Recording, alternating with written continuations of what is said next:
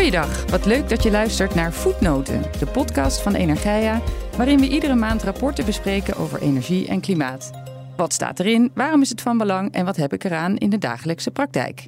Ik ben Sabine Sluiters en bij mij in de studio is Letitia Oeje. Welkom Letitia. Goedemorgen. Goedemorgen. We hebben even een zomerstop gehad. Uh, heb je een goede zomer gehad? Ik heb een, uh, een, best wel drukke zomer gehad eigenlijk. Veel rapporten gelezen? Ik heb veel rapporten gelezen en ik was ook uh, veel van mijn collega's waren op vakantie. En niet iedereen kan tegelijkertijd op vakantie, dus ik heb echt best wel van moeten invallen. Maar je hebt ook zelf wel een beetje vakantie gehad, hoop ik? Ik ben een weekje naar de Bretagne geweest. Dat was wel lekker. Echte workaholic. Slechts een weekje op vakantie. Maar wel fijn voor onze luisteraars. Want je hebt je vastgebeten in een nieuw heftig rapport. Uh, waar volgens mij iedereen een beetje rijkhalzend naar uitkijkt. Uh, wat heb je gelezen? Het is wel grappig dat je dat zegt. Want iedereen keek er naar uit. Maar ik heb best wel veel mensen gesproken in de aanloop naar deze podcast. Zowel op social media als uh, live. En iedereen zei van, oh, ik ben er echt niet aan begonnen. Ik wacht gewoon op de uitzending. Dus mensen wachten op het rapport, maar die lezen hem niet meer. Ja, dus dat, het gaat uh, over het NPE. Het NPE, het. Nationaal Plan Energiesysteem. En het Nationaal Plan Energiesysteem, dat is een beetje het. Het is, dat was een beetje het hoogtepunt voor de, de energie-nerds. Want uh, ja, we bouwen hier al sinds, uh, wat is het? Uh, volgens mij de laatste brief van minister Jezilgus, ja. toen staatssecretaris ja. was ze. Um, dat was een van de laatste, laatste brief van de Tweede Kamer. Toen ze demissionair waren, had ze gezegd: Ja, hier kom ik echt wel een keertje op terug. Komt een plan, een ja. nationaal plan. En Jette had ook het plan aangekondigd. En nu uh, heeft hij dus het plan gelanceerd. Ja, en nou ja, er komt ongelooflijk veel energiebeleid in, in samen. Wat, wat vinden we er allemaal in terug? Ja, een beetje eigenlijk wel, wel alles. Want het is een allesomvattende plan die moet gaan over de ontwikkeling van zowel het aanbod van energie. En dan moet je niet alleen denken aan duurzame elektriciteit, maar je moet ook wel denken aan onze, aan onze koolstoffen. De koolstofketen komt ook aan bod. de ontwikkeling van de warmteketen, van de waterstofketen. Dus dat is allemaal aan, de, aan het aanbodkant. Ja. En aan de kant van de vraag wordt er gekeken per verbruikssectoren. Van ja, wat zijn eigenlijk transitiepaden richting 2050? Uh, waar het kabinet waarschijnlijk acht, uh, waar ze sturing op gaan geven en uh, hoe ja. kom je daar? Ja, precies. Maar het gaat ook over hoe, ja, wat, hoe gaan we met elkaar om in het energiesysteem? Hoe gaan we de burger erbij betrekken? Dus dat is echt, waar gaan we de infrastructuur ontwikkelen? Ja. Dus dat is echt er komt heel veel in terug waar we het ja. eerder in alle, allerlei andere afde, afleveringen ook over hebben gehad. Uh, van, van voetnoten. Ja, omdat ja. de minister zich ook heeft uh, laten inspireren en adviseren, had hij ook steeds gezegd. En hij heeft, we hebben het IBO-rapport hebben we besproken. Daar waren ja. allemaal vanuit ambtenaren aanbevelingen om invulling te kunnen geven op de CO2-reductieopgave van, uh, van, uh, van de Nederlandse overheid. Of Nederlanders, zal maar niet alleen de Nederlandse niet overheid. overheid nee. um, en dan uh, was er ook een expertteam die had een, een advies uitgegeven van ja, hoe ziet Nederland eruit in 2050 als wij gewoon ja. CO2-neutraal zijn. We ook behandeld. Nou, we hebben over de netbeheerderscenario gesproken, de II 3050. Dus ja, ja wat, hoe, hoe, zijn de, hoe zien de ontwikkelpaden er, eruit volgens de netbeheerders. Dus ja. uh, dit is allemaal in een soort van grote blender gegaan. En uh, de minister heeft nu, uh, heeft nu gesproken. Een hele lekkere smoothie eruit. Smoothie weer, ja. Oké, okay, um, nou is sinds onze laatste podcast natuurlijk het kabinet gevallen. En um, ja, kan je iets zeggen over wat dat betekent voor nou ja, het energiebeleid en nou ja, met name ook het NPE. Ik wou dat ik het wist. Ja. ja kijk, ik zie nu heel veel uh, oproepen aan het kabinet van ja, weet je, dat, alsjeblieft ga nu niet stilstaan. We hebben lang genoeg gestudeerd, we hebben lang genoeg rapporten geschreven over, ja, daardoor blijven wij in business, maar um, over de energietransitie. Maar al die projecten, en dat komt ook steeds terug in het Nationaal Plan Energiesysteem, die hebben een hele lange lead tijd. Het kost heel veel tijd om een project te ontwikkelen. Kijk, uh, afgelopen nacht zijn de wieken van uh, het windpark die ik met de windvogel ontwikkel in Vlaardingen, ja. uh, zijn de wieken getransporteerd. over de snelweg. Best Kijk eens wel, aan. Superleuk om erbij? te zien. Nou, ik was er gisteren niet bij omdat het regende. Vind ik echt een heel slecht excuus. maar ook omdat ik nog even wat moest lezen.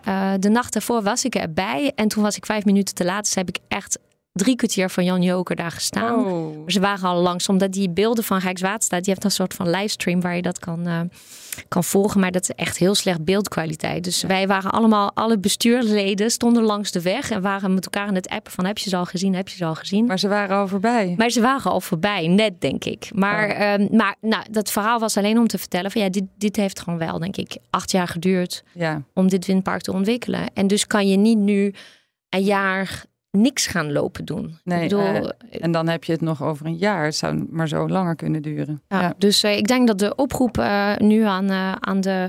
Aan, het is niet de oproep aan het kabinet, maar het is vooral de oproep aan de Tweede Kamer. Ja. Vanuit heel veel mensen vanuit de energietransitie is van ga alsjeblieft niet stilstaan en ga door. En laten we ook niet vergeten dat um, dossiers die controversieel verklaard kunnen worden, dat gaat vooral over keuzes waar je niet meer op terug kan komen. Ja. En best wel veel zaken die in het Nationaal Plan Energiesysteem staan opgesomd. Dat zijn ook dingen waar gewoon een verdieping op komt of een vervolgstudie op komt. En dan denk ik, een vervolgstudie, dat hoef je niet controversieel te verklaren. Nee. Dus je kan alvast die stappen zetten. Precies, dus zit vooral niet stil. Nou, met dit plan brengt het kabinet dus nu al in kaart hoe het energiesysteem van de toekomst eruit uh, moet zien. En wat nodig is om daar te komen. Uh, dat doen ze door uh, te kijken wat in 2050 nodig is. En dan weer terug te redeneren naar vandaag. Um, nou ja, we hebben het net over gehad hoe enorm omvangrijk en wat er allemaal in aan bod komt. Um, maar het is best wel een dun rapportje. Maar 33 bladzijden. Ja. Um, ja, en toch. en nu ga je denk ik mij gewoon en als lopen. ik jou zie met ja. al die aantekeningen. Je hebt zelf denk ik meer dan 33 bladzijden aantekeningen. Ik heb inderdaad... Uh, heb je het mij, overgeschreven? Ik heb er niet over geschreven. Ik heb uh, het Nationaal Plan Energiesysteem is inderdaad met 33 uh, bladzijden. Dat is het hoofdrapport. Dat is gewoon het hoofddocument van ja, dit, dit, dit zijn de ontwerpprincipes. Dit zijn de richtinggevende keuzes. Dit is uh, de ontwikkelfases. Dus dat zijn echt wel, dat is een beetje de management samenvatting. En vervolgens komt die tot uiting in maar liefst vier of vijf bijlages. Um, van A tot en met D. Waarin uh, allemaal onderdelen van het Nationaal Plan Energiesysteem verder uitgediept worden.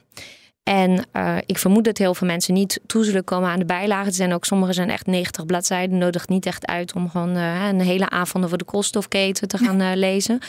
Maar in die bijlagen staan wel heel interessante zaken die niet terugkomen in het hoofddocument. Oké, okay, en daar gaan we het zo natuurlijk ook over hebben. Het bestaat dus uit een hoofddocument en vier ambtelijke werkdocumenten. Jij noemt het bijlagen, maar nou ja, zij noemen het ambtelijke werkdocumenten.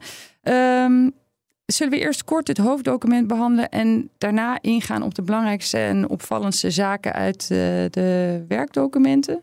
Ja, dat is. Ze knikt. Ze vindt het een goed idee. Ik ben nu al aan het kijken naar mijn aantekeningen. Brandlos. Nou, laten we eens induiken. Um, ja, het kabinet maakt in het NPA vijf hoofdkeuzes. Um, eh, maximaal aanbod van duurzame energie. Dus uh, um, energie besparen. Uh, verdelen bij schaarste. Hoe gaan we dat doen? Internationale samenwerking en samen sturen.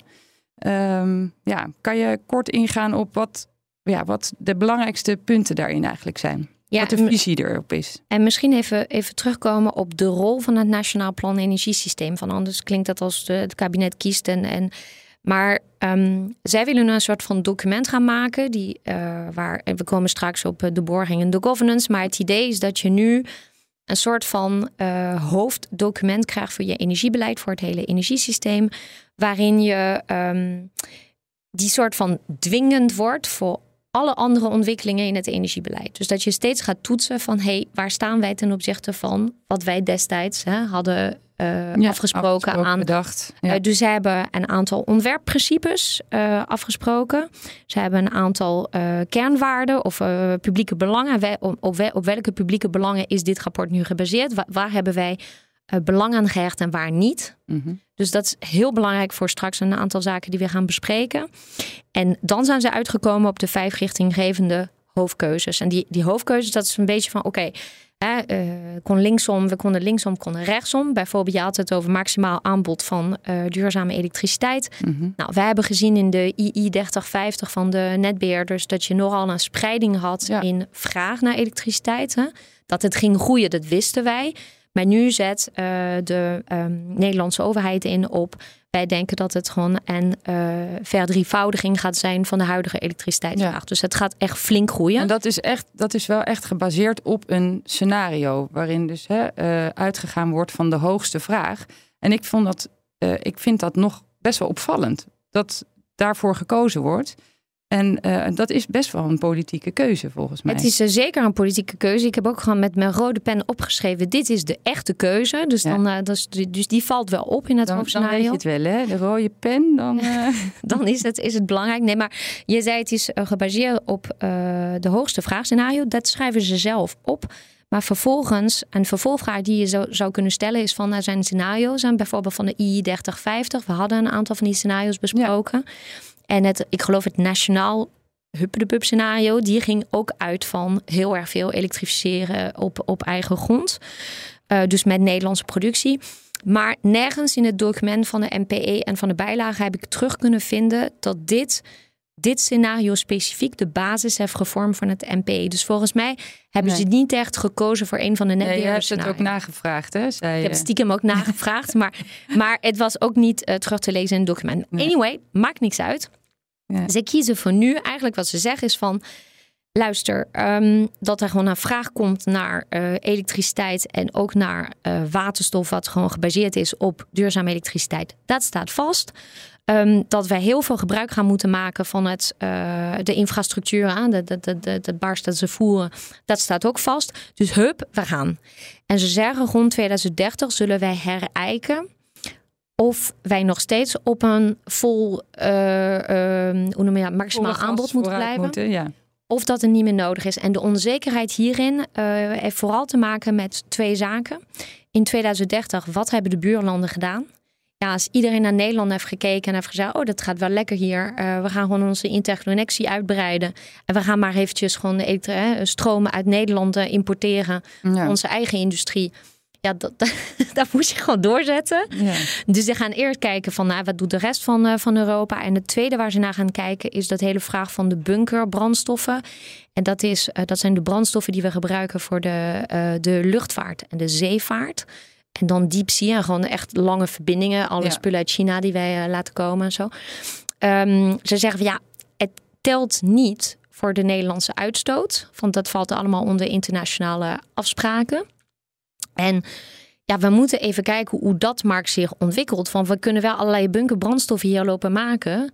Maar als blijkt dat gewoon wij de enige gekke Henkie zijn, dan houdt het wel een beetje op. Ja. Ehm, dus dit is wel wat ze zeggen. Ze zeggen van ja, we gaan nu vol, want, want iedereen wacht. Ze wachten op, eh, op eh, connecties op het net, eh, ze uitbreiding, verzwaring, eh et cetera, et cetera. En we gaan vol op zee. En dan in 2030 kijken wij of, of wij de tempo moeten, moeten terugschroeven. Ja, en het, is, ja, het kwam op mij een beetje over als een keuze voor beter mee verlegen dan omverlegen. Nou, dat schrijven ze volgens mij ook gewoon niet zo letterlijk op, maar dat is wel wat ze zeggen. Ja. Ehm, ik en heb- ik vond het ook opvallend dat dit hoofdkeuze 1 is.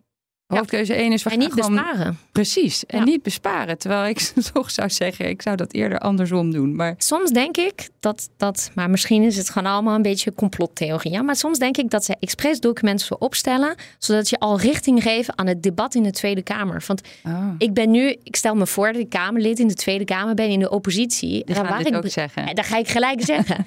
En dan gaat de minister zeggen van wat een goed input. En dit is een concept NPE, maar dank voor deze vraag. Ja. En ik ga energiebesparing Ja. Vooraan zetten. Ja, ja. Maar, eh, en wat me ook opviel, is daar moet nog een plan voor komen.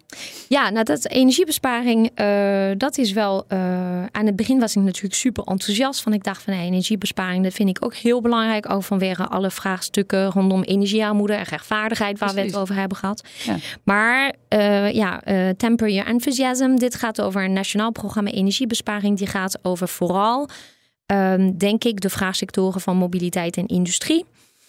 Ehm, dus eh, ik had niet het gevoel dat het extra ging inzetten op eh, de gebouwde omgeving.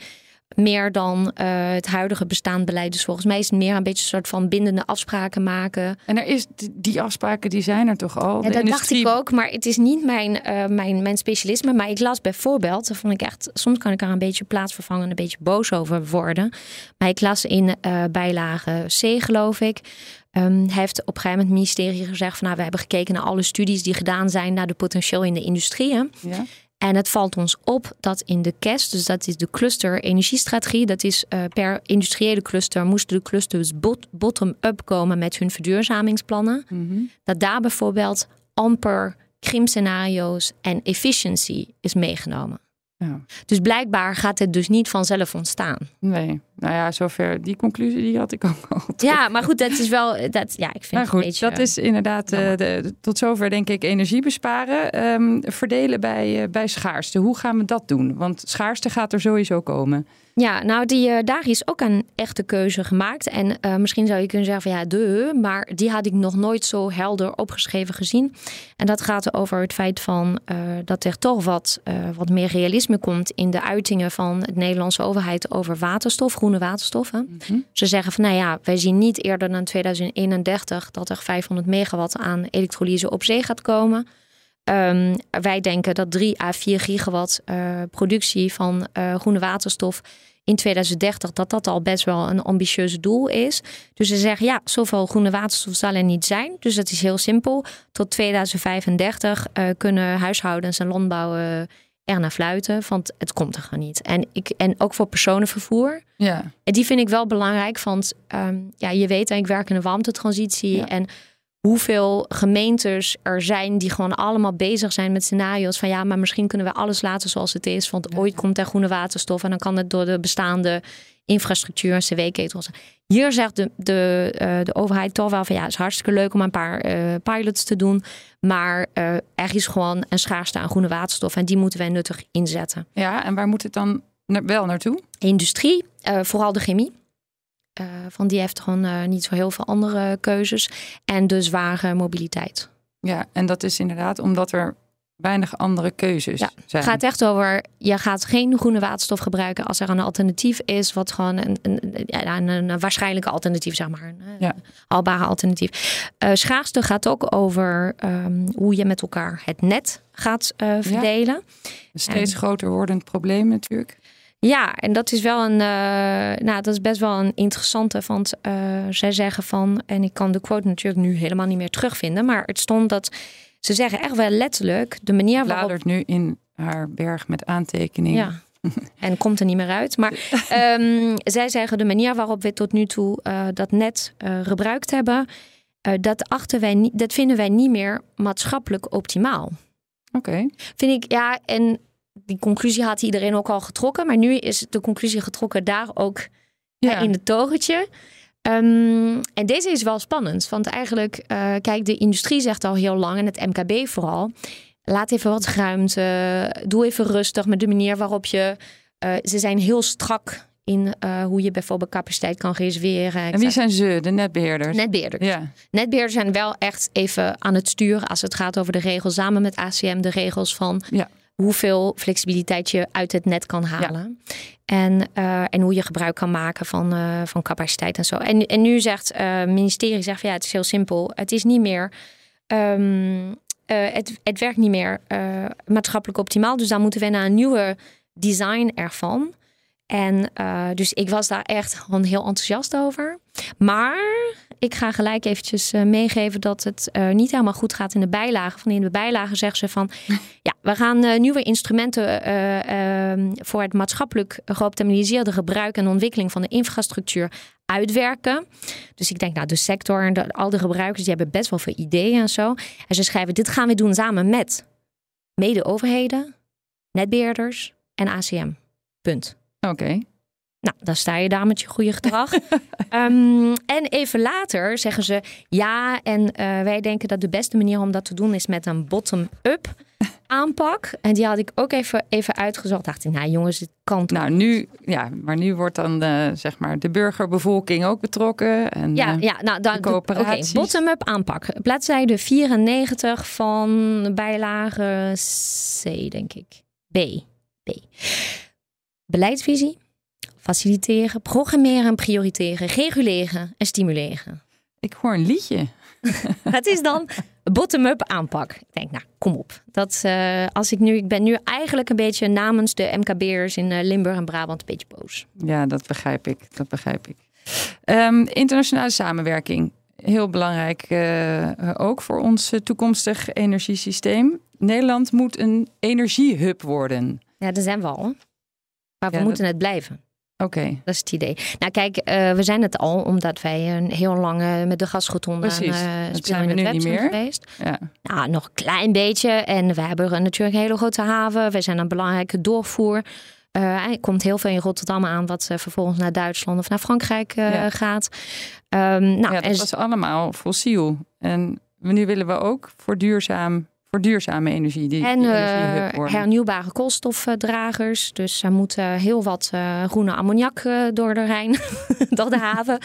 En um, dus ze zeggen van nou, het is wel heel belangrijk dat we die rol van Europese hub, dat we die gewoon blijven, blijven spelen.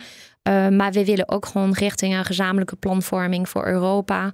Uh, dus uh, er zijn best wel vaak mensen die zeggen van ja, Nederland uh, doet altijd alsof we een soort van eiland zijn. En hier blijkt weer dat het niet zo is. Dus er wordt gewoon echt onwijs veel ontwikkeld samen met, met de Europese Commissie. Ja, dat is al lang aan de gang. Ja. En ook de, je hebt de, mm, hoe noem je dat? Een soort van penta, hupplepup offshore overleg met allerlei andere Denemarken en Duitsland. En, dus daar wordt al flink samengewerkt in het Europese verband. Ja. Okay. Daarover trouwens meer. Moet je mij straks, als we praten over blauwe waterstof, heb ik daar wel een uh, oranje of een gele kaart wat ik wil uitdelen. Oké, nou, ja. spannend, niet vergeten. Um, en ja, om, het samensturen. Ja, om te komen tot het systeem moet er ah, samengestuurd ja. worden. Dus. De Teletubbies zijn er weer. Um, weet je, ik was daar natuurlijk het meest enthousiast over. Van samensturen, dat vind ik heel belangrijk. En um, dat gaat over participatie. Het gaat over bottom rechtvaardigheid, bottom-up weer, nieuwe manieren van samenwerken. Uh, de ambtenaren gaan nu echt het land intrekken en komen allerlei bijeenkomsten waar mensen gewoon naartoe kunnen. Ja. Ze hebben ook een keurige bijlage waarin ze gezegd hebben wat ze gedaan hebben met de input vanuit burgers. De participatieve waarde-evaluatie waar we het ooit hebben, over hebben gehad. Ja. Um, dus dat, dat zit echt goed in elkaar. En ik geloof echt wel dat, dat er in Den Haag nu echt wel een soort van geloof van uh, en zo moet het nu, want je kan niet alleen maar dingen gewoon zomaar dumpen en dan zeggen van nou ja, zo, uh, zo zal het vanaf nu gaan. Het vlak uh, van de transitie niet best. Ja, en ze hebben het ook bij samensturen niet alleen over werken met burgercoöperaties, maar ze hebben het ook over de ketenbrede consortia. Dus dat je zegt van we gaan niet meer de, de, de, de, producenten apart zien. En dan doen we weer een overleg met de netbeheerders. Dan, weer, dan gaan we proberen gewoon de hele keten uh, bijeen bij elkaar te, te, brengen. Ja. Dus daar ben ik heel enthousiast over. Ehm, even later uh, wordt gewoon een stukje, en dat is in een van de bijlagen, dat, dat stukje samen sturen, dat krijgt echt gewoon uh, meer bladzijden in het hoofddocument dan in, het, uh, in, de, in alle bijlagen bij elkaar, zeg maar. Dus dat is wel echt een beetje jammer. Het gaat over een paar dingen die echt concreet zijn. Ze zeggen van wij moeten energiehubs gaan ontwikkelen, waarin je bijvoorbeeld samenwerkingen gaat smeden tussen wijk wijken en een glastuinbouw met een warmtenet bijvoorbeeld, een opslaglocatie, et cetera, et cetera. Ze zeggen we moeten veel meer uh, public-private partnerships gaan doen. Bijvoorbeeld bij de uitbreiding van wind op zee, dat we dat doen en gelijk pakken met de verduurzaming van de industrie. Maar hoe, hoe, hoe zien ze dat dan? Ik, bedoel, ik probeer me dan een voorstelling te maken van hoe gaat dan zoiets in de praktijk? Hoe gaat de, gaat de glastuinbouw met een, met een wijk in een zaaltje zitten? Hoe moet ik me dat voorstellen? Nou, eigenlijk zie je steeds meer dat uh, je hebt dan, ik weet niet of het met wijken zo 1, 2, 3 zou gaan, maar um, wat je bij wijken kan hebben, is dat een wijk heeft een bepaalde gebruik van warmte. Dat is gewoon echt een beetje de, de badkuip, zoals ze dat noemen. Dus je hebt in de winter heb je heel veel warmte nodig en in de zomer niet. Nou, en de glastuinbui heeft een andere verbruik van, uh, van warmte, een andere verbruikprofiel. Dus je kan daar elkaar in vinden. Dat bijvoorbeeld door met elkaar samen te werken, gebruik te maken van dezelfde warmtebron. Ja. Dat je dus. dat eh, snap ik allemaal. Dat, je dat, is de theorie. Ja, Alleen nu de praktijk. Nou, in de praktijk, en dat is wel, uh, ik denk er staan niet zo heel veel bladzijden hierover, maar de uitvoerbaarheid hiervan, dat ligt 100% bij de overheid. Ja. Dat zijn allemaal ingewikkelde regels over energiedelen, over uh, wat je wel of niet mag doen van de netbeheerder, of je wel onderling afspraken met elkaar kan doen en zo. Er wordt ook heel veel gesproken in de sector over het delen van um, aansluitcapaciteiten. Dus dat je gewoon uh, cablepooling doet. Mm nou, ik heb een collega van mij bij de Windvogel, die werkt zelf in de zonnebranche. En die zegt, ja, dit is, is mooi en dan moeten we naartoe. Maar het is gewoon allemaal niet zo 1, 2, 3 geregeld en eenvoudig. En je moet ook wel op elkaar kunnen kijken naar een energiehub. ja. we moeten ook op elkaar kunnen vertrouwen. Van als ik heb afgesproken dat ik, uh, ik maak hem heel simpel, dat ik s'avonds uh, de recht heb op dat elektriciteit en jij overdag. En je hebt een keertje een grote, grote vraag van een klant en je gaat s'avonds een paar keer toch draaien. Mhm. En we hadden toch een afspraak met elkaar. Ja. Dus dat zit allemaal in de Dus het is ook sfeer. behoorlijk eh, voer voor consultants, advocaten. Die gaan Eh, aan ik dat denk samensturen eerst- lekker verdienen waarschijnlijk. Eerst energieadviseurs en dan inderdaad als het niet goed gaat advocaten. En dat is dus een beetje eh, gelijk de reden waarom de netbeheerder het niet zomaar uit handen geeft. Nee. Ehm, Oké. Maar goed, er wordt 166 miljoen geïnvesteerd in de ontwikkeling van energiehubs. En het stukje van burgerbetrokkenheid. En die energiehubs, dat zijn dus... Wat, wat, wat moet ik me daarbij voorstellen? Er gewoon eh, bijvoorbeeld bij een industriepark. eh, die, eh, waar de opwek op het dak van fabriek 1 eh, wordt gewoon samengevoerd met het logistieke centrum en de vrachtwagens van bedrijf Snap B. En, eh, en zij vormen samen een, een hub. En eh, daarna heb je ook eh, qua burgerbetrokkenheid, dat was dus het punt die ik wilde maken. Ja, daarin staat in, het, in een van de bijlagen van ja, die, die burgercoöperaties, hartstikke schattige mensen, maar gewoon niet heel veel kennis en dat soort dingen. Toen dacht ik echt van nou, nou ja, Ja, nou ja. Dus eh, helemaal in je wiek geschoten. nou, voelde mij gewoon toch echt een beetje, voelde dit pijn. Dat Dus, snap ehm, ik, dat snap ja. ik. Ja, dan hebben we de, de hoofd. Dit, zijn, dit waren eigenlijk gewoon de, de hoofdkeuzes Ja. uit het eh, document.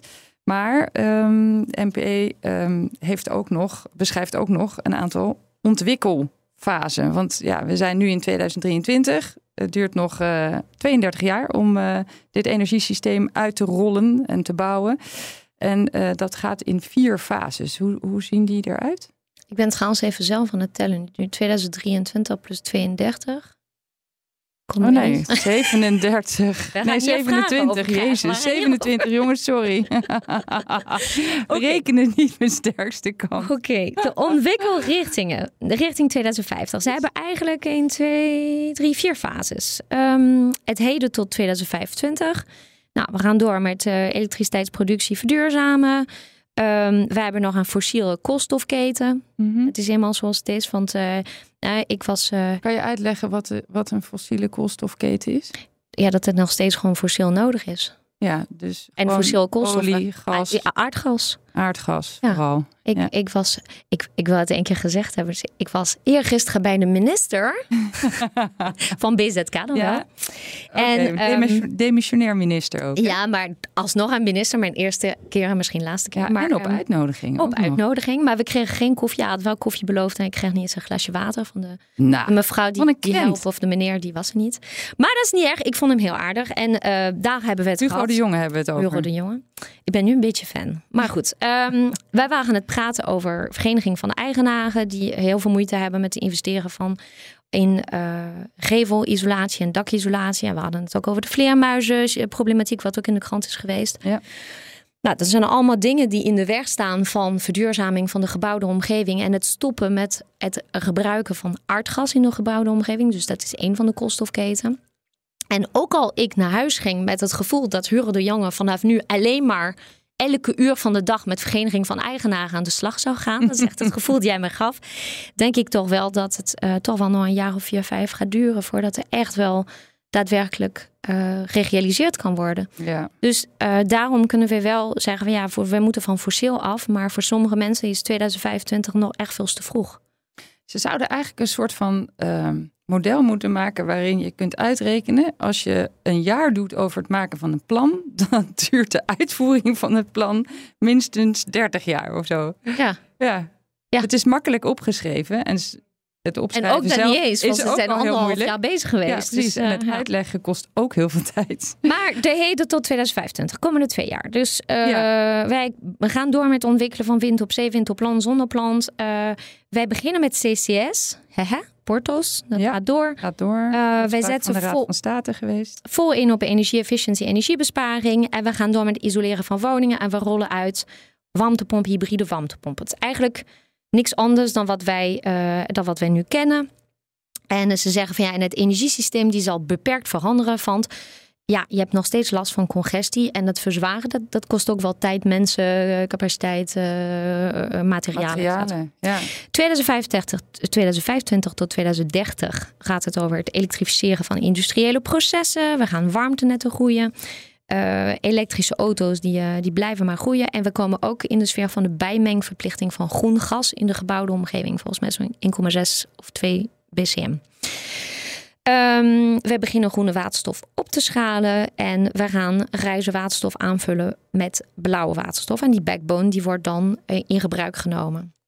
Dan vervolgens, en je hebt nog steeds uitdagingen rondom congestie. Ja. Dan komen we in de fase daarna waar het interessant wordt. Want uh, vanaf 2030 ging 2040 um, komt uh, de industrie in een andere fase van het EU-ETS. En dan gaat ja. het echt heel rap naar beneden. Dus dan ja. moeten ze echt wel de en middelen dan, hebben. Dan gaat, gaan zeg maar het aantal CO2-rechten heel rap naar beneden. Heel rap naar beneden. Dus uh, 2030 tot 2035 zeggen ze van ja, dan ga dat je is al echt... snel, hè? Dat is over zeven jaar. Ja. Nou, ja, nee, nu klopt het. Zes, zes, zes en een beetje. En uh, ze zeggen van nou, dan ge gebruik van waterstof in industriële processen, dat gaat echt een toename nemen. De warmtenetten gaan echt helemaal van de grond vliegen. Um, uh, zwaar weerverkeer gaat ook lukken om emissievrij te maken. En we gaan het gebruik van koolstoffen uh, vanuit fossiele bronnen echt wel gewoon rap naar beneden aan vervangen door bijvoorbeeld biogeen. En we gaan de import van biobrandstoffen laten toenemen, vooral voor de mobiliteitssector. Nou, en dan kom je in de, in, de, in, de, in de toekomst. En dat is 2035 richting 2050. En ze zeggen van ja, dan hebben we de nieuwe kerncentrales. Hebben wij volop waterstof op zee. Van die eerste 500 megawatt op zee van waterstof die laatst in 2031 uh, komen. Okay. We hebben energiehubs op de Noordzee waar we samenwerken met allerlei uh, vriendenlanden. En de koolstofdragers in de chemie die zijn ook in toenemende mate um, fossiel. Um, maar dat is niet, ja, dat is niet allemaal tegelijk, maar dat is verspreid over... Over 15 jaar. Ja, ja. precies. Dus dat is, dat is dat onze voorland. Ja. Ja. ja. ja. Oké. Okay. En dan hebben ze ook, om het nog makkelijker te maken, um, vier ontwikkelketens. Daar hebben we het er net al een beetje over gehad. Eén voor elektriciteit, één voor waterstof, één voor koolstof en warmte. Ja. Um, en daar gaan ze vervolgens heel erg uh, diep op in in bijlage B. Ja. Of ik mag het geen bijlage noemen. Nou, ja, jawel, document jawel. B. en uh, daarin uh, zetten ze in op die, op die vier ketens inderdaad. En dan zeggen ze van nou, we gaan even kijken hoe die, hoe die ketens zich ontwikkelen. Dus, en, uh, dus daar gaan we het zo nog ja, over hebben. Want daar zijn we eigenlijk nu aangekomen. Um, Aan een pauze? Nee. even een slokje water misschien. Um, want dit waren dan eigenlijk de 33 uh, pagina's uh, van het hoofddocument. En dan gaan we nu kijken naar de, de bijlagen, zoals jij ze noemt, ambtelijke werkdocumenten. Die zijn samen goed voor 250 pagina's. Kleine 250 pagina's die jij hebt doorgezwoegd. Um, ja, ja. ja, ik vond het wel. Ik bedoel, ja, weet je, het is veel werk. Het is zo interessant. Het is zo interessant. Het geeft zoveel inzichten ook in heel veel dossiers waar wij. Ja. Weet je, dus ik. En ik vind het super knap werk. Oké, okay, nou. Um, dus, dus dat weer... moet ook wel gezegd worden. Het ja. hoofddocument is, is helder en zo. En eigenlijk misschien is dit. Mijn allergrootste kritiek is absoluut niet aan, aan Jette of aan het team die hieraan gewerkt heeft. Maar wat een totale hm. aanfluiting van een lancering. Oh. Ja, nou, het in was een geen mini-zaaltje. Ja, het was geen lancering. Het was, het was een hele, ik was erbij. Het was een hele kleine, ja, achteraf zaaltje, klein persconferentietje. En, uh, en Jette was, die was zo op snelheid 2. Ik, ik ja. wilde even meenotuleren, nou, het lukte amper. Nee. Maar ik denk, hoezo is dit niet van... Dat is, weet je, ook voor mensen die zeggen... dat hele klimaat interesseert me niks en zo. Dit gaat zo ingrijpend worden. Ja. Het gaat... In elke regio gaan we dit opvallend, ja. Ze zeggen ook van, beste mensen, de schop gaat echt in de grond. En ik heb het niet meer uh, terug uh, paraat, maar er stonden op een gegeven moment een aantal cijfers van hoeveel windmolens dit betekent, hoeveel elektriciteitsmasten dit betekent, hoeveel uitgedrukt in, in ruimtelijke impact alleen al. Mm -hmm. Hoezo is dit niet de premier naast Jette. Ja. Ik bedoel, ooit hadden we de premier naast de jongen die ons vertelde dat we de handen moesten wassen. En, en nu is dit gewoon een miljoen miljarden, zoals die ene zegt. En dan, en dan dat was in een mini-zaaltje, een beetje op zijn hutse de flut. En ik, ik denk, dat is toch zo jammer. Er zit zoveel in. Ja, ik ben het er volkomen met je eens. Maar ik dacht, misschien is dat door mijn vakdeformatie, omdat ik altijd met energie bezig ben, dat ik denk, nou, dit mag wel wat meer aandacht hebben.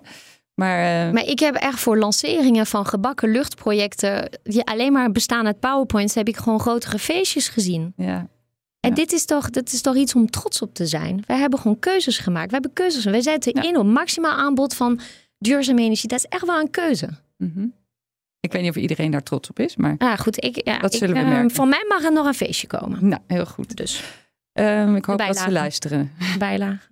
De bijlagen. Ja, bijlage uh, A. Uh, daar beginnen we eigenlijk mee. Mm -hmm. um, ja, dat is een heel fundamentele, want daarin staat hoe ze gekomen zijn eigenlijk tot ja, de, de ontwerpprincipes en de publieke waarden ja. die onder het plan liggen. Vroeger waren dat uh, begrippen zoals uh, betrouwbaar, betaalbaar, duurzaam ook wel. En sinds Groningen natuurlijk veilig. Sinds 2015, ja. Ja, en nu zijn daar een aantal begrippen aan toegevoegd. En die zijn gebaseerd op de brede welvaartsgedachte.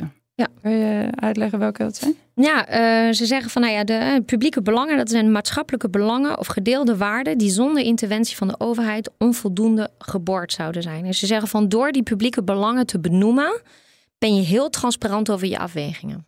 Okay. Er staat in een van de bijlagen dat wij moeten vol inzetten op bijvoorbeeld de winning van aardgas in de Noordzee. Is niet iedereen uh, gelijk uh, enthousiast over. Nee. Maar het vindt gewoon zijn, zijn, zijn grondslag, zeg maar, in het feit dat een van de belangrijke publieke, um, hoe noem je dat? publieke belangen is dus dat betrouwbaarheid. En dat vindt zijn, zijn weergave. Daarna zeggen ze van het gaat over de robuustheid.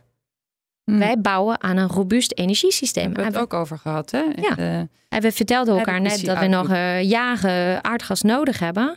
Ja. En dat aardgas dat gaat steeds meer nog alleen maar nodig zijn voor kwetsbare mensen die niet de kans hebben gehad om bijvoorbeeld hun woning te isoleren. En daarvan zegt de overheid, het is gewoon klaar. We gaan nu voor een diversificatie van bronnen, maar we gaan ook voor het bouwen van uh, eigen reserves voor een deel. Dus de, de, deze bijlage is best wel dun, maar die legt er wel goed uit van uh, hoe zijn wij gaan kijken naar uh, wat, wat, vinden wij belangrijk, wat vinden wij publieke waarden die wij als overheid moeten gaan bewaken. Ja.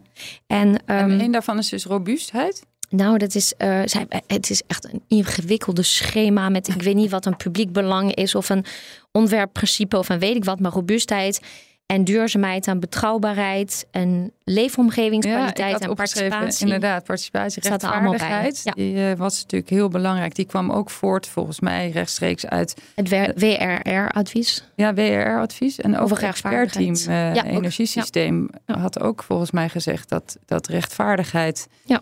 echt meegenomen moet worden. En, uh, en economische kracht. Ja.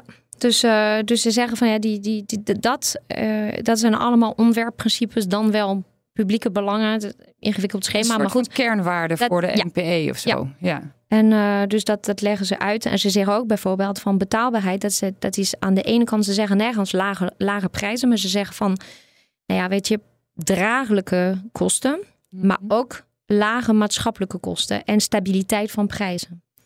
Uh, dus dat, per, het is echt heel interessant om te kijken. En veiligheid hebben ze niet alleen van. Uh, en jij zei dat het kwam vanwege Groningen, maar nu bijvoorbeeld een hele uitdieping gedaan over de digitale veiligheid. Ja, dat is een puntje. Dat is wel een issue. Maar ook bijvoorbeeld het feit dat wij energiedragers gaan dus aanvoeren van de haven van Rotterdam door naar de, het Roergebied. En dat dat voor een groot deel zou kunnen bestaan uit groene ammoniak. En dat we ammoniak tot nu toe in onze veiligheidsdefinitie, dat wij gewoon juist gewoon heel erg beperkingen hebben opgelegd op het transport van ammoniak voor, uh, over de, het spoor. Ja. En dat ze zeggen van ja, het zou kunnen dat je dat toch weer in heroverweging moet gaan nemen. Oké. Okay. Dus, um, dus dit zijn die, uh, dat staat erin. En dan heb je naast de publieke belangen hebben ze ook uitgelegd hoe de totstandkoming van de PWE, of sorry, van de NPE is, uh, is gebeurd. En ja. uh, ze komen terug op uh, de energieraadpleging die is oh, gedaan ja. Door uh. Wat is daar de belangrijkste conclusie geweest? Ja, dat, is de, dat was dus de participatieve waarde-evaluatie. Hadden we een keer uitgelegd. Dat is dat je burgers in een soort van cockpit zet. En je zegt niet ben je pro of tegen kernenergie of ben je voor of tegen wind op land. Maar je legt ze gewoon een aantal dilemma's. En dan moeten ze gewoon aangeven wat vind ik belangrijk, vind ik niet Ja. belangrijk. En uh, ze hebben de punten die daaruit gekomen zijn, zijn best wel interessant. Ze zeggen van Nederland moet voor haar energie zo min mogelijk afhankelijk van het buitenland slash Europa zijn.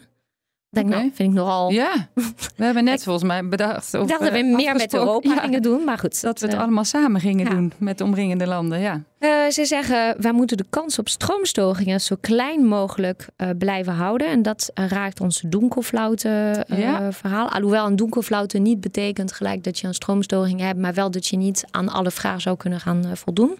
En daar komt het, het eh, belangrijke. Ze zeggen van ehm, het behouden van de status quo vinden wij niet zo heel belangrijk. En ze eh, vinden dat het behouden van bedrijven geven burgers de laag, een laag prioriteit. Oké. Dus ik Ja. denk dat bij een donkerflauten dat ze zeggen van de televisie blijft aan, maar, maar- eh, Tata die kan moet even- uit. Ja, Oké. Ehm, nou, ze vinden dat de burger betrokken moet zijn en ze vinden dat de transitie niet al te veel moet kosten en dat de kapitaalkrachtigen het meest moeten betalen. En dan kernenergie, nou is de thermometer er weer ingestoken en nu zegt minder dan 50% ja. En derde eh, twijfelt en één op de vijf zegt nee. Oké. Ja, ik- weet niet hoe dat eerst was. Of daar een Een beetje hetzelfde. Eigenlijk als je, ik had een keertje uitgezocht sinds eh, de wat brede maatschappelijk, ik weet niet hoe die heet, maar dat was de dialoog over kernenergie van de jaren 80 of 90. En eigenlijk heb je altijd gehad dat ongeveer 40, 45 procent zegt "Hm, ja prima. En dan heb je een hele grote massa aan mensen die gewoon twijfelt. Ja. Ehm, en dan heb je, heb je de nee-zeggers en dat is één op de vijf nu. Ja. Er wordt hier ook eh, ehm, iets gezegd over ehm, ja, hoe het NPA nou eigenlijk eh, de komende kabinetten gaat overleven. Want het moet een hele tijd mee. Ja, Hoe, hoe, gaan ze het, ja, hoe gaan ze het borgen? Ehm, nou, het wordt echt een hele. We gaan echt zoveel rapporten zien. Ehm, het definitief, wat wij helemaal niet gezegd hebben, dit is een consultatiedocument. Dus dit is een, een soort van opzet NPE, maar het definitieve NPE die komt eind Ja, 2023. het komt allemaal nog aan het einde. hè? Hoe gaat Ja. het nou verder? Dus, oh, oké. Oh ja, oh. Maar je mag het ook nu al vertellen. Oh, dan ga, ik- dan ga ik het nu vertellen. Ehm, eh, zij hebben in het conceptdocument, niet in de bijlage, maar in het hoofddocument, staan allemaal kadertjes met schuin gedrukte tekst. En dat zijn stellingen die zij in consultatie willen brengen. Dus daar komt een hele In roadshow. consultatie eh, bij wie dan? Jij, ik, Oh, everybody, everybody. Ja, nou, je kan meepraten, maar er komen ook sectordiscussie. Er komen allerlei eh, diners met belangrijke mensen. En er komen ook gewoon burgerconsultaties. En er zijn publieke bijeenkomsten aangekondigd. Kan je gewoon even aanschuiven. Ehm, dus nou ja, dat, dat gaan ze dan doen. Eh, dus een hele brede dialoog, dat wordt opgezet. En dan komt er van het PBL, geloof ik, en pre... Oh ja, dat was allemaal van Latijnse termen. Ik had er nog nooit van gehoord. En ex ex ante. Ehm, PBL gaat een advies geven over het concept NPE en oordeel over de waarde van het NPE voor het halen van de doelen van het energiesysteem. Dat is dus wat PBL gaat doen. Eh, dat komt samen, denk ik, met de Light CAF. Die Ja, nog die is in september. Die is in eh, september. ja. En dan komt er ex durante, dus tijdens het NPE, komt er continu monitoring. Eén keer per jaar komt de energienota terug. Nou, die energienota die was eh, op een gegeven moment pleiten in Nederland, maar die komt terug. was blij. Die was- Daar ben ik echt heel enthousiast over. Van dus één keer per jaar zei hij, dit ga ik doen. Ja. Op het gebied van de energie. En eh PBL, Oké, die komt weer terug dus. die komt terug. En één keer per jaar gaat PBL ehm, eh, de eh, gewoon, eh, een monitoring doen van de ontwikkeling, fysieke ontwikkeling van het energiesysteem. Oké. Dus we gaan kijken wat, wat hebben we daadwerkelijk gebouwd. Welke, welke optelsom van investeringsbeslissingen is er? Ja. En in het najaar elk jaar komt voor de begroting van het voorjaar welke middelen je dus dan nodig, Nodig hebt hebt, om bij ja. te sturen.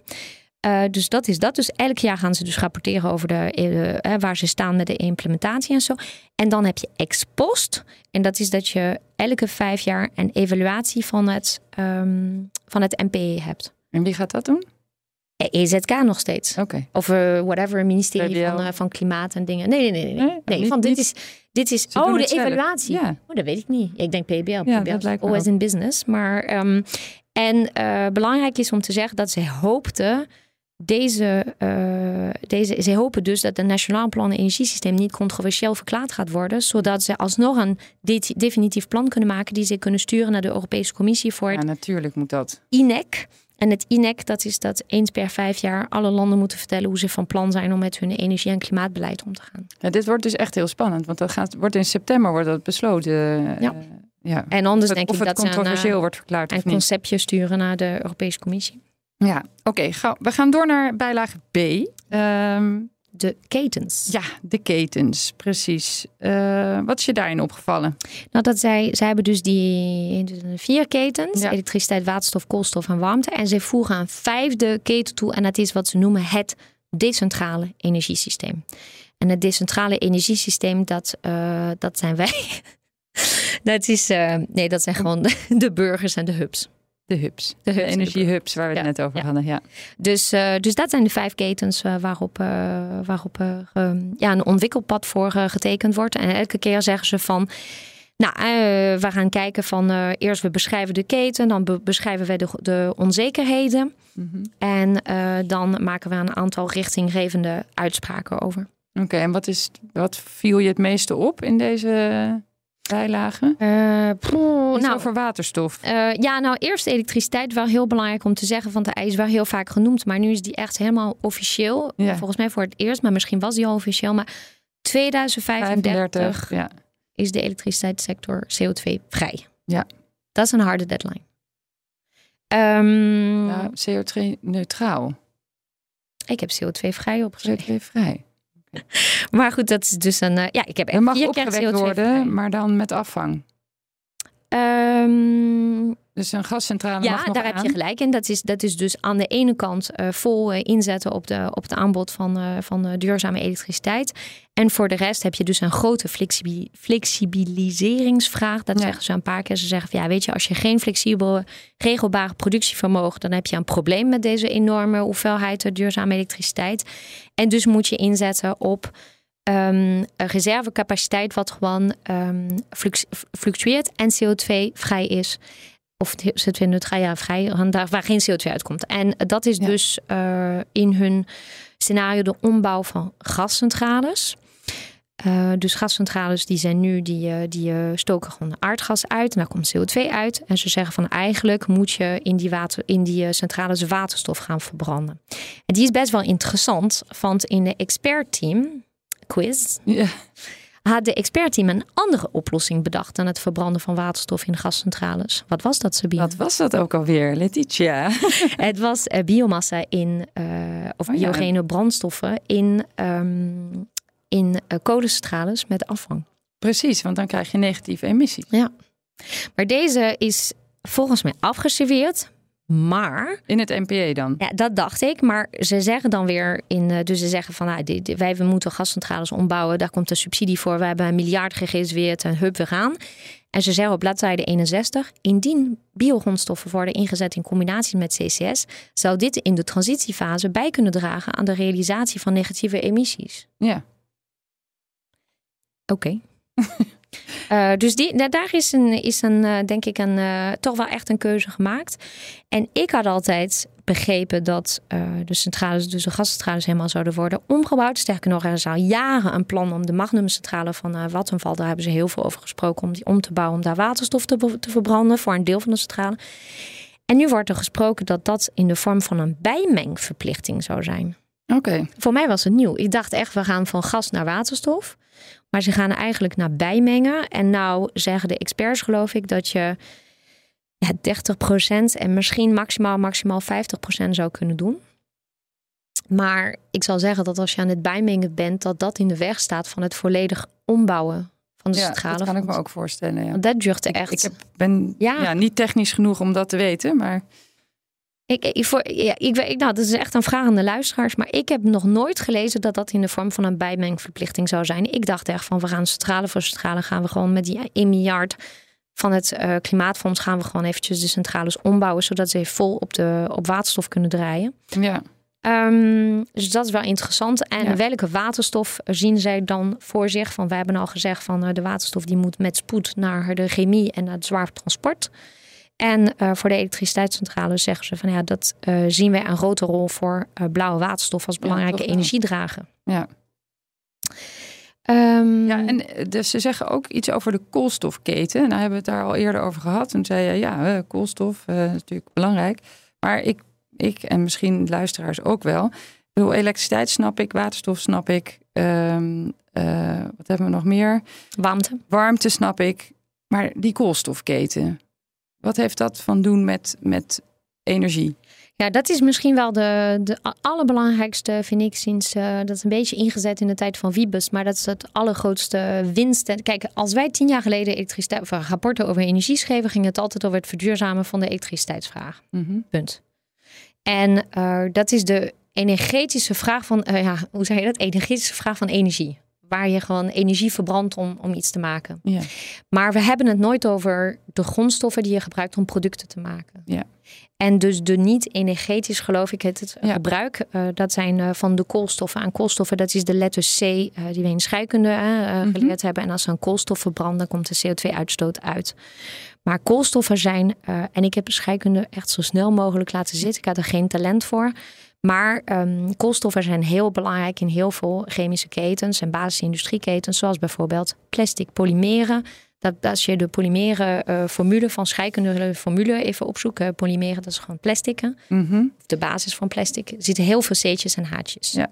Oké, dus daar is, dat is de koolstofketen. eh, en daarom is die zo belangrijk. En aangezien we dus geen fossiele brandstoffen meer willen gebruiken, ehm, hebben we dus ook die koolstoffen niet meer. Dus die moeten we ergens anders vandaan halen. Ja, dus ze zeggen van ja, du- dus die, als je gewoon niet meer fossiel wil, dan wil je ook niet meer fossiele koolstoffen.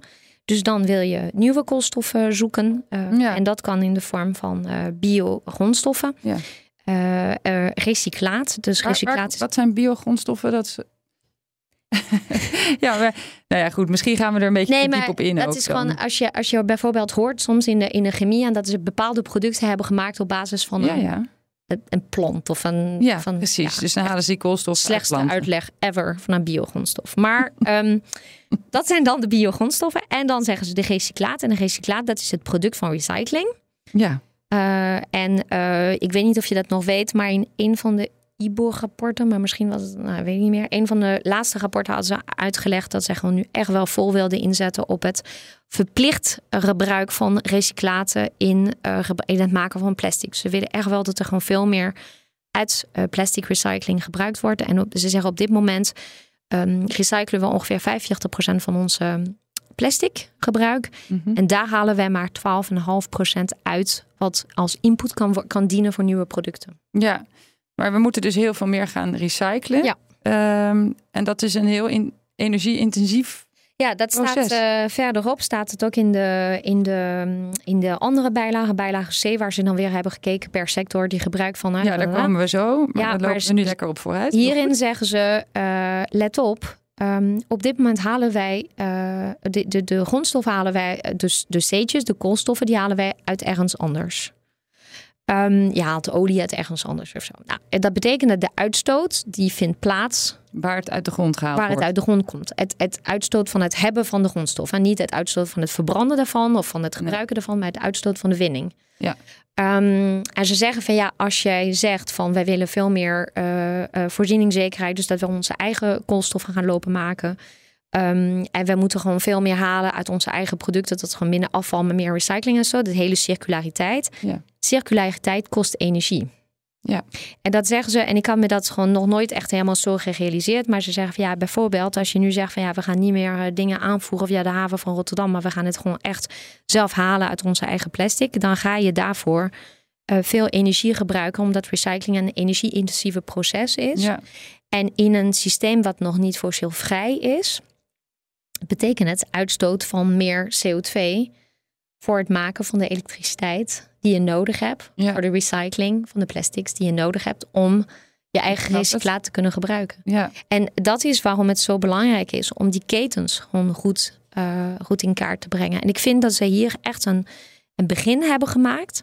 Maar dat, nog, dat je eigenlijk nog eh, veel verder zou kunnen gaan in het omschrijven van de ketens. Van die ketensomschrijving, dat is gewoon een hele pijnlijke oefening. In de zin dat je, ehm, dat, je, dat je afhankelijkheden van sectoren gewoon blootlegt.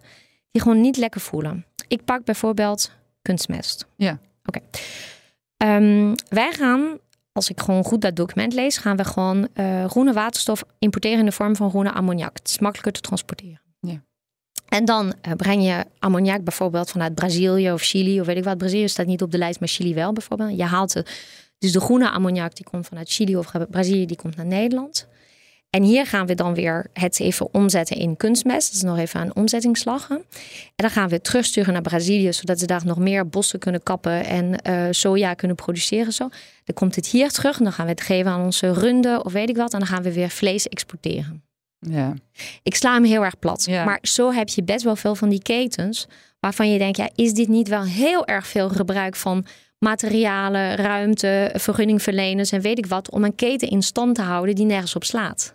Ja, zo klinkt het wel, ja. En, en eh, dus zij beginnen een klein beetje te praten over ketens. Ze zeggen ook, we gaan vol inzetten in ketensamenwerking. Maar ik denk dat het ook best wel oké is om van sommige ketens te denken van... wacht, als ik hem zo uitspreek, is die echt niet logisch. Ja, maar goed, als de markt het wil, dan uh, zal, het, zal het toch gebeuren. Tenzij je, ja. Tenzij je de markt vertelt dat je daarvoor betaalt. Ja, en dat zou dan moeten gebeuren in een hoge CO2-prijs. In een hoge CO2-prijs, maar ook het feit dat er straks eh, infrastructuur hiervoor uh, aangelegd moet gaan worden. Dat er allerlei financiële prikkels richting de industrie gegeven gaat worden voor dit soort dingen. Dus die, die ketens, die moet je gaan uittekenen. Je moet een keten maken voor de raffinaderij. Je moet een keten maken voor de kunstmestindustrie, voor staal. En dan moet je gaan kijken van, hey, dit aanschouwend hebbende, ja. Moeten we nadenken. Is het nog houdbaar? Nou ja, maar ze zeggen wel, ze zeggen iets heel belangrijks. Ze zeggen van uh, liever uh, groen hier dan grijs elders. Ja.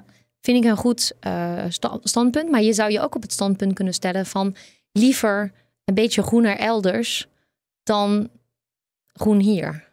Want er is heel veel helders ten opzichte van een klein beetje hier. Snap je? ik bedoel? Ja, ik snap wat je bedoelt. Ja. Um, Maar goed, dus dat is een filosofische discussie voor een volgende podcast. nou ja, ja, of voor tijdens de uh, inspraak op dit document natuurlijk. Ja, maar ik ga niet daar een beetje net als. Uh, je hebt altijd een paar uh, mensen van hoge leeftijd die beginnen bij dit soort inspraken avond over thorium. Dan zie ik me daar even beginnen over mijn. Uh, over de koolstoffen. De koolstoffen. we gaan even door. We gaan naar de bijlage C. Ehm, de gebruikssectoren. Oh, nee. nee. En de waterstof dan? Nou, Oké, mag jij nog even over waterstof, maar kort. Nou, er is gewoon iets spannends in de waterstof. Want uh, zij zeggen van, nou joh, uh, dat hele waterstof dat heeft uh, nogal een ruimtelijke impact. Van niet alleen voor de productie, maar ook voor de conversie, de opslag, de import, de doorvoer. Ja. Dat heeft nogal een vierkant meter impact. Ja. En ze zeggen, we gaan dus richting 2050 50% import, 50% productie in Nederland. En ze zeggen, we moeten natuurlijk wel even gaan kijken hoe het lukt om zowel een uh, import uh, uh, zeg maar op gang te brengen en tegelijkertijd de, de, de domestic production interessant te maken. Dat was interessant. Maar er zijn gewoon vier bladzijden over blauwe waterstof waar ik gewoon helemaal van stel over achterover viel. Vertel. Nou ja, blauwe waterstof is een beetje wel. We don't talk. Oké, even voor de luisteraars. Blauwe waterstof wordt gemaakt aardgas. met aardgas en dan wordt de CO2 afgevangen. Ja. ja.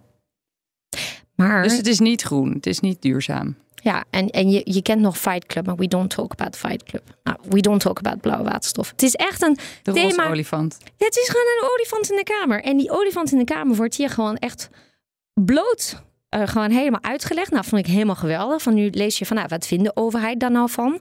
En ze zeggen van, ja, we zagen het als een werkbereider. Nou, dat, bleek het niks. Maar goed, we zagen het als een werkbereider. Maar nu is de RED 3, dat is die uh, Renewable Directive blabla 3. ja. ja, vanuit Europa. En dat gaat ons allemaal een beetje in de wielen rijden. En eigenlijk door Europa lukt het niet meer. En ik ga het je heel even snel uitleggen. In Europa is een hele discussie gaande. Volgens mij is het nog niet helemaal uitgekristalliseerd. Maar nou, blijkbaar hebben zij meer gossip uit Brussel dan, dan ik.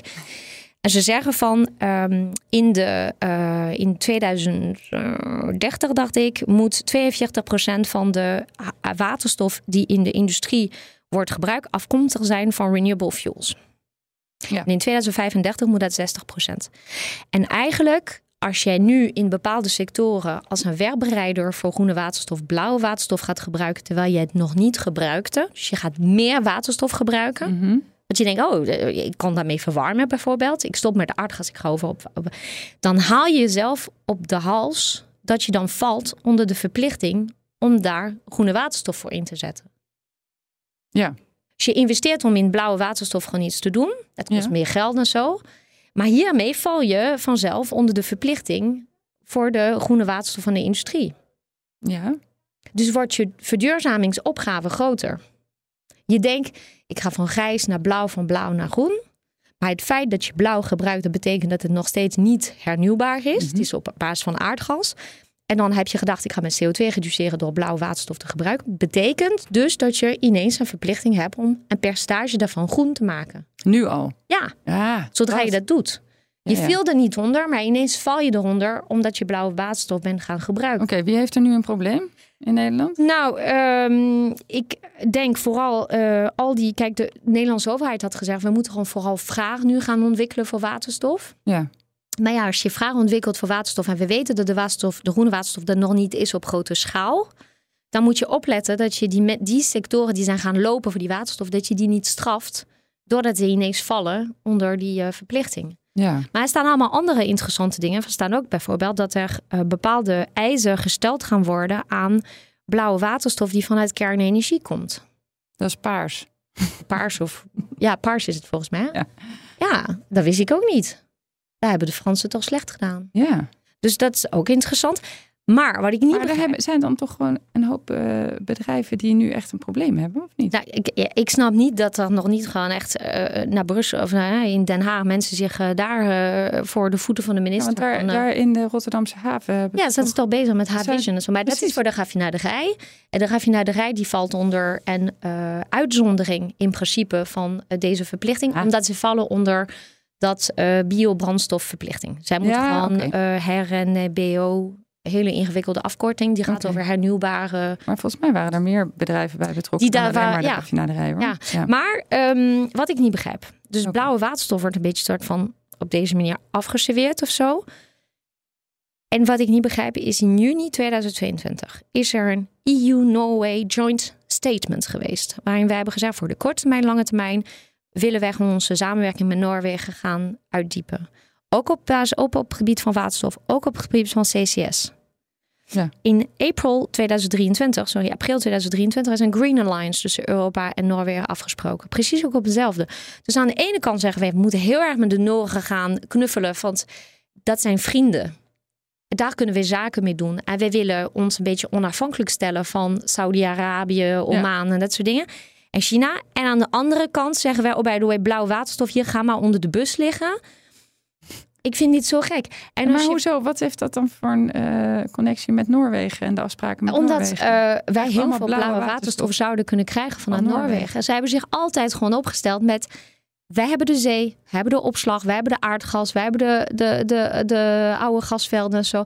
Wij kunnen blauwe En dus ze niet waterstof groene waterstof maken. Daar zijn ze toch ongelooflijk goed in. in Ja, maar dat-. Heel veel waterkracht en zo. Eh, Ja, maar ze hebben gewoon daar ook gewoon dezelfde problemen als wij hebben. Dat Ja. het opschalen van elektrolyse wel even duurt. Dus ik snap niet, en, en het lijkt echt alsof we dit weer gaan uitstellen. En kijk, stel dat ik, en ik, ik kan niet spreken voor eh, bedrijven als Equinor of zo, maar stel dat je nu zou investeren, dat ze nu morgen de, de go krijgen van ja, we gaan tekenen voor zoveel MOU, voor zoveel import van blauwe waterstof. Ik denk niet dat ze eerder dan, wat is het, 2027 of 2028 kunnen leveren. Is dit weer een spaak in de wielen van Portos ook? Nou nee, want Portos gaat dus over die, volgens mij de raffinaderijen die dan gaan afvangen. en Die vallen onder dat andere. Maar, We moeten Ik- even door. nou, maar die is zo interessant. Ja, interessant. zo interessant. Sorry. Mensen allemaal eh, het stukje over waterstof Dit lezen. heeft echt mij vier dagen gewoon echt van mijn leven gekost. Hè? Maar goed, jij staat erover. Prima. Prima.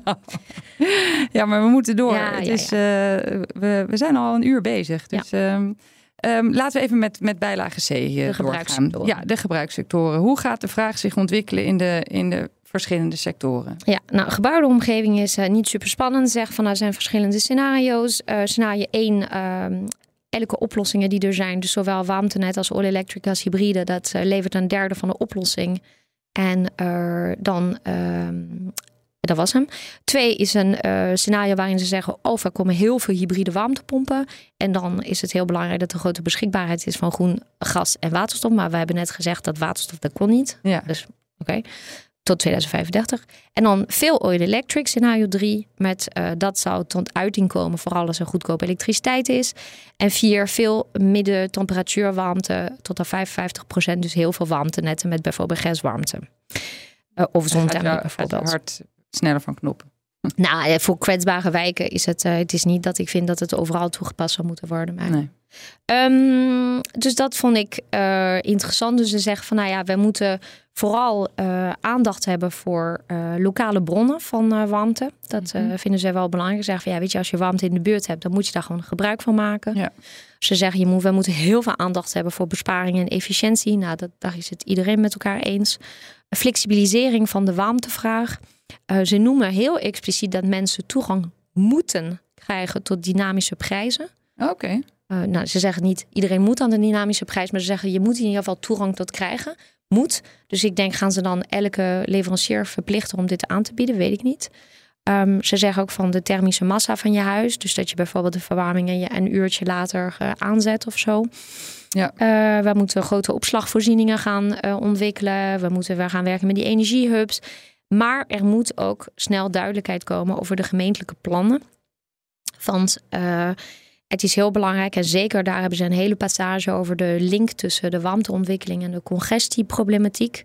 Ze zeggen van ja, weet je, als een wijk helemaal all-electric gaat worden, Mhm. uh, dan is het voor de net netbeheerder heel belangrijk om te weten welke wel, welke niet.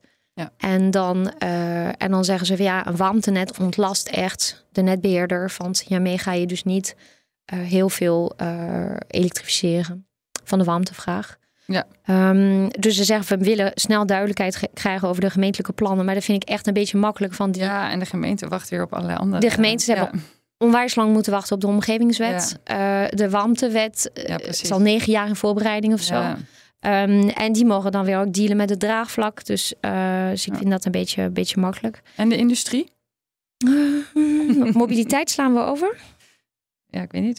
Vond je daar iets heel interessants? Nou, wat ik interessant vond in de mobiliteit is uh, een paar dingen. Is um, ze zeggen, um, ze zeggen iets heel belangrijks. Ze zeggen op bladzijde 36: het uitrollen van een dekkend netwerk voor laad- en tankinfrastructuur is en blijft eveneens een belangrijk punt van aandacht. En ze zeggen zelfs dat zij hier uh, de netbeheerders gaan vragen om dit tot hun prioriteit te maken. Oh, daar zijn we toch al heel goed in. Um, nou, uh, ik denk dat je misschien wel een keertje met bijvoorbeeld een bedrijf als Vastnet zou moeten gaan praten. Om te vragen hoe zij ook vinden dat zij gewoon het gevoel hebben dat de overheid dit ziet als een absoluut prioriteit. Want uh, zo niet heel lang geleden, uh, volgens mij, was nog de discussie dat zij nog steeds geen stickers mochten krijgen op die, op die posters of die, hoe noem je dat, die borden van ja. Rijkswaterstaat langs de weg. Dat hier een, uh, Vastnet, uh, vastnet zat. laadstation was. En ik die ben staan er wel. in Frankrijk uh, op pad geweest. En in Frankrijk zie je gewoon overal echt lang van tevoren aangegeven. Over 30 kilometer is hier een, Ja. een, een laadplek. Um, dus ik zou zeggen van, joh, weet je, als je dit echt tot je prioriteit maakt, dan, dan gaat dat in het echt, echt doen. En niet elkaar het leven zuur maken. Hm. Um, uh, ja, en voor mobiliteit zeggen ze ook van, we moeten, dat is misschien een beetje ironisch deze week, uh, dat er gewoon aangekondigd is dat voor de wegbelasting voor uh, elektrisch vervoer Ja. slecht uitpakt. Maar fiscaal en financiële prikkels moeten we geven voor de aanschaf en het gebruik van elektrisch vervoer. Oké. En hup, Hup. wegenbelasting omhoog. Ja. Dus dat, uh, en ze zeggen wel ergens uh, in, een, in een donkere bijlage, ergens anders zeggen ze van. Um, wij denken dat misschien een oplossing is ook het ophogen van brandstof, brandstofaccijnsen. Oké. En die is natuurlijk heel pijnlijk. Ja, dat is zeker pijnlijk en ook niet helemaal eerlijk. En niet Die- heel Het rechtvaardig. gaat denk ik tegen de kernwaarde rechtvaardigheid een dus beetje iedereen in. kan de hele hesjes weer uit de kast halen. Ja. ja, neem jij even een slokje water. Dan gaan we even naar de, de industrie. Ja. Eh, ja, weet je, ik ben super enthousiast over het MP. Echt, echt, echt enthousiast. En compliment aan het team die dit geschreven heeft. Dit hoofdstuk van mij, dat Er komt echt een, een dikke maar aan nu. Nou, ik, ik, ik, ik moet. Ik vind het gewoon. Jij hebt gewoon een uitleg gegeven van hoe je naar publieke belangen gaat kijken. Je hebt ontwerpprincipes gedaan. Ja. En eigenlijk zeggen ze in uh, bijlage B, geloof ik, praten ze over uh, de sectoren en zeggen ze van ja. Wij gaan nu hard aan de slag met de 12 grootste of 20 grootste uitstoters. Mhm. En dat zijn de, de routekaart verduurzaming industrie, de en Nationaal Programma Verduurzaming Industrie. Nou, echt noem maar op. Volgens mij iedereen in de industrie is bezig in een programma of een stuurgroep of een. En dan uh, zeggen ze, we gaan nu vol inzetten op de clusters. En ze zeggen ook, er zijn vijf industriële clusters in Nederland, fysieke clusters. Ja, uh, Rotterdam, Mhm, ja. Delfzijl, bla bla bla. Ja. En dan hebben ze wat ze noemen de zesde cluster. En de zesde cluster is, is iedereen die niet in een cluster valt. Ja, maar dat zijn alsnog best wel hele grote bedrijven. grote bedrijven. Ja. Gewoon eh, echt bedrijven die ook gewoon heel belangrijk zijn in Precies. de energietransitie ook. Ja. Die heel veel banen verantwoorden. En eigenlijk wat ze zeggen is van oké, voor die zesde cluster, en ik sla hem heel erg plat, doe even lekker een hupje. Hier is 166 miljoen om te verdelen met z'n allen.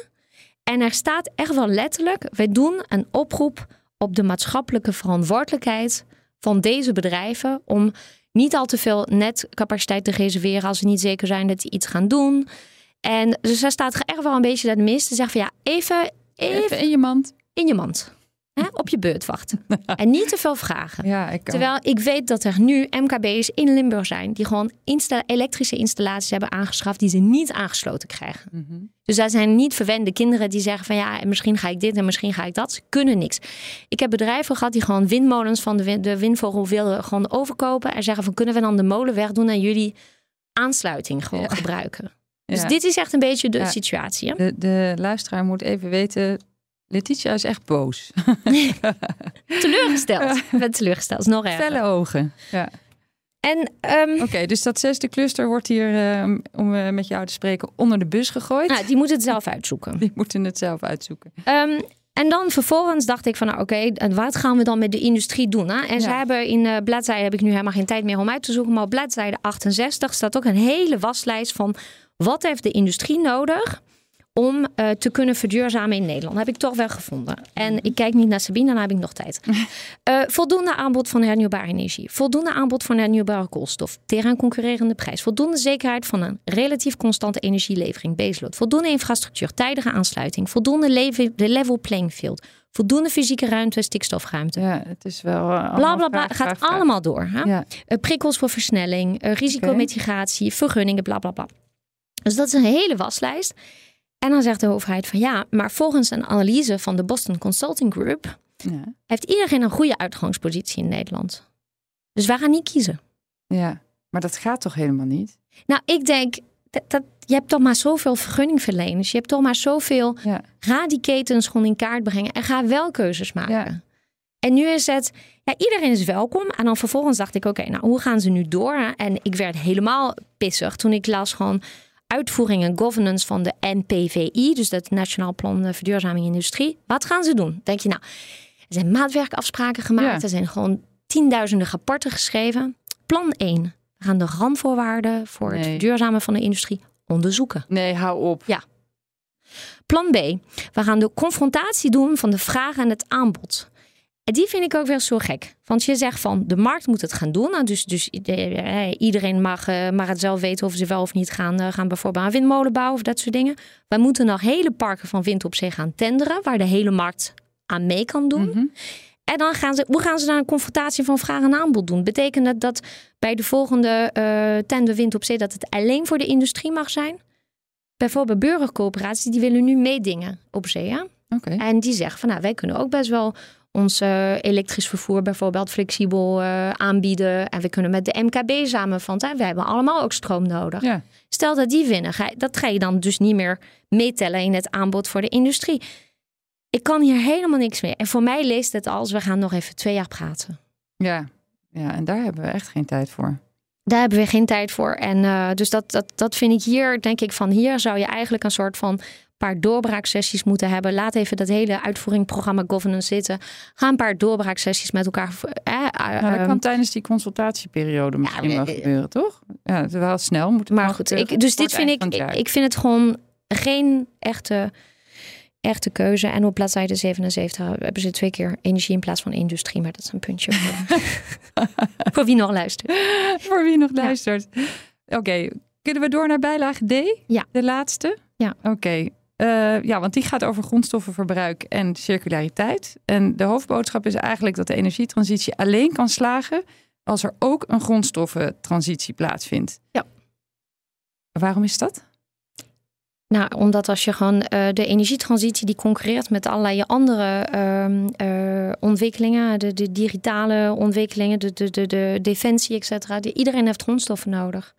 Iedereen heeft lithium nodig, iedereen heeft kobalt nodig, iedereen heeft Ja. kopper nodig. Kopper wordt gewoon op dit moment gejat van de. electrolyzers hebben Ja. allemaal... eh, ja, En, en niet alleen die windmolens en de elektrolyzers, maar gewoon andere sectoren schreeuwen om dezelfde eh, spullen. robotisering is, heeft ook gewoon uh, cruciale grondstoffen nodig. Dus ze zeggen van ja, die moeten we halen. En ze zeggen ook, uh, dat gaat gewoon duurder worden. Want uh, vraag, je hebt altijd vraag- en aanbodspel. Dus je zou kunnen zeggen van ja, hoe meer vraag je hebt, des te hoger de prijs en dan komt er meer aanbod. Maar ze zeggen ja, let wel, als je bijvoorbeeld een mijn in Europa zou willen gaan ontwikkelen, ja, dat... lithiummijn, ben je tien jaar verder, 15. Ja, dus daar zijn we al te laat mee. Nou ja, dat wil niet zeggen doe het niet, maar dat wil alleen zeggen van accepteer dat dit gewoon onwijs duur gaat worden. Okay. Want Nederland heeft geen, in de bodem van Nederland zijn geen kritische uh, grondstoffen. was heel veel aardgas, ja. en, uh, maar er zijn geen kritische grondstoffen. Nee. Dus daarom dat uh, hele belangrijke focus op circulariteit. Hergebruik alles wat je kan hergebruiken. Ja. En, en, ontwerp het dus ook zo ja. dat het hergebruikt kan worden. Want wij zijn nu een werfwerpmaatschappij. Ja. Dus uh, je gaat, hè? Ja, je gaat gewoon naar de, naar de action en je koopt iets en binnen zes maanden is het weer stuk en dan koop je weer een nieuwe. En ze zeggen, en ik heb deze zomer echt een fantastische podcast gehoord over hoeveel je zou kunnen gewoon Europa zou morgen kunnen zeggen vanaf nu zijn, moeten apparaten gewoon worden ontwikkeld voor een levensduur van 15 jaar of zo. We konden het wel. Ja. Ik bedoel, we konden wel. Mijn oma had dezelfde wasmachine gehad haar hele leven. Die deed het nog steeds. Tegenwoordig kop je iets en je weet dat je geld opzij moet zetten, omdat over zes, acht jaar is hij gewoon stuk. Ja, dat is zo, zo wordt het nu gemaakt. Ja. En nou, ik vond een hele mooie. Zo jammer dat het in bijlage D is, maar ik vond een hele mooie quote te zeggen. Eigenlijk Ehm, het energiesysteem uh, was altijd faciliterend. Ja. Um, en dat wordt nu ordenend. Dus energiebeschikbaarheid moet je nu zien als een vestigingsfactor. Ja. Dat vond ik wel een. Uh, dat mooie van dat het, het vat wel het hele NP samen. Ja, nou, mooi. Mooi om mee af te sluiten. Ja, toch? Denk ik. Ja. Nog heel even, hoe gaat het nu verder? Daar hebben we wel een beetje over gehad. Hè? Dus eh, er wordt een consultatie uh, gehouden. Oh, je wil er nog één ding over zeggen? Oh ja, ik ben nog even iets vergeten. Ja, want uh, wij vergeten nog eventjes drie dingen. Er wordt heel veel gezegd, dus over ruimte hadden we het net over. Ja. Er is dus een nieuwe nota ruimte die legt uit van ja, hoe moet je nou de ruimte in Nederland gaan verdelen met elkaar. En dat het niet alleen afschuiven naar iemand anders, hè, alles naar Zeeland, maar gewoon echt eventjes een beetje, een beetje eerlijk verdelen. Um, wordt ook gesproken over bijvoorbeeld het regie in de bodem. Er zijn heel veel onnodige ja. ruizen, kabels, dat soort dingen moeten allemaal uit. Ja. Nou, dus geldt ook weer een vraag van ja, wie moet dat betalen en van wie is het? En uh, nou, ook uh, er is een stukje over financiering. Ze zeggen je moet 330 miljard uh, investeren in de vervanging van de infrastructuur en, en productie en zo. En er moet 330 miljard aan meer investering komen de komende uh, periode. Ja, gewoon tot 2050? 50, ja. ja En ze zeggen van, uh, er beseft dat er nu 2200 miljard uh, aan belegd vermogen is van pensioenfondsen en verzekeraars in Nederland. Maar die hebben natuurlijk een hele andere risicorendementprofiel. Ja. En ze zeggen van, eigenlijk zou je moeten nadenken of je moet stoppen met gewoon pure subsidies en dat je veel meer moet gaan kijken naar risicoverlagende. Precies, zodat dat geld daar naartoe gaat. Daar naartoe gaat. Ja, zeggen we moeten echt dat privaat geld naar naartoe krijgen. Ja. En het laatste is, um, we hadden net over groen hier versus grijs elders. Hè? Mhm. En uh, wij op, op het gebied van landbouw, maar ook op het gebied van, uh, van, van dealen met de zee en het water, zijn we een grote exporter van kennis. En ik vind, en dat is gewoon een grote kritiek wat ik heb op de hele NP en de hele aanpak van de Nederlandse overheid, is van we gaan even onze zaakjes hier goed regelen. We gaan het helemaal goed voor elkaar krijgen. 0% CO2, weet je, gewoon echt zo, zoals kan. Maar ze zijn totaal niet bezig met. Misschien moeten wij inderdaad een kolencentrale ombouwen en met CCS, omdat dit nuttig zou kunnen zijn voor de andere.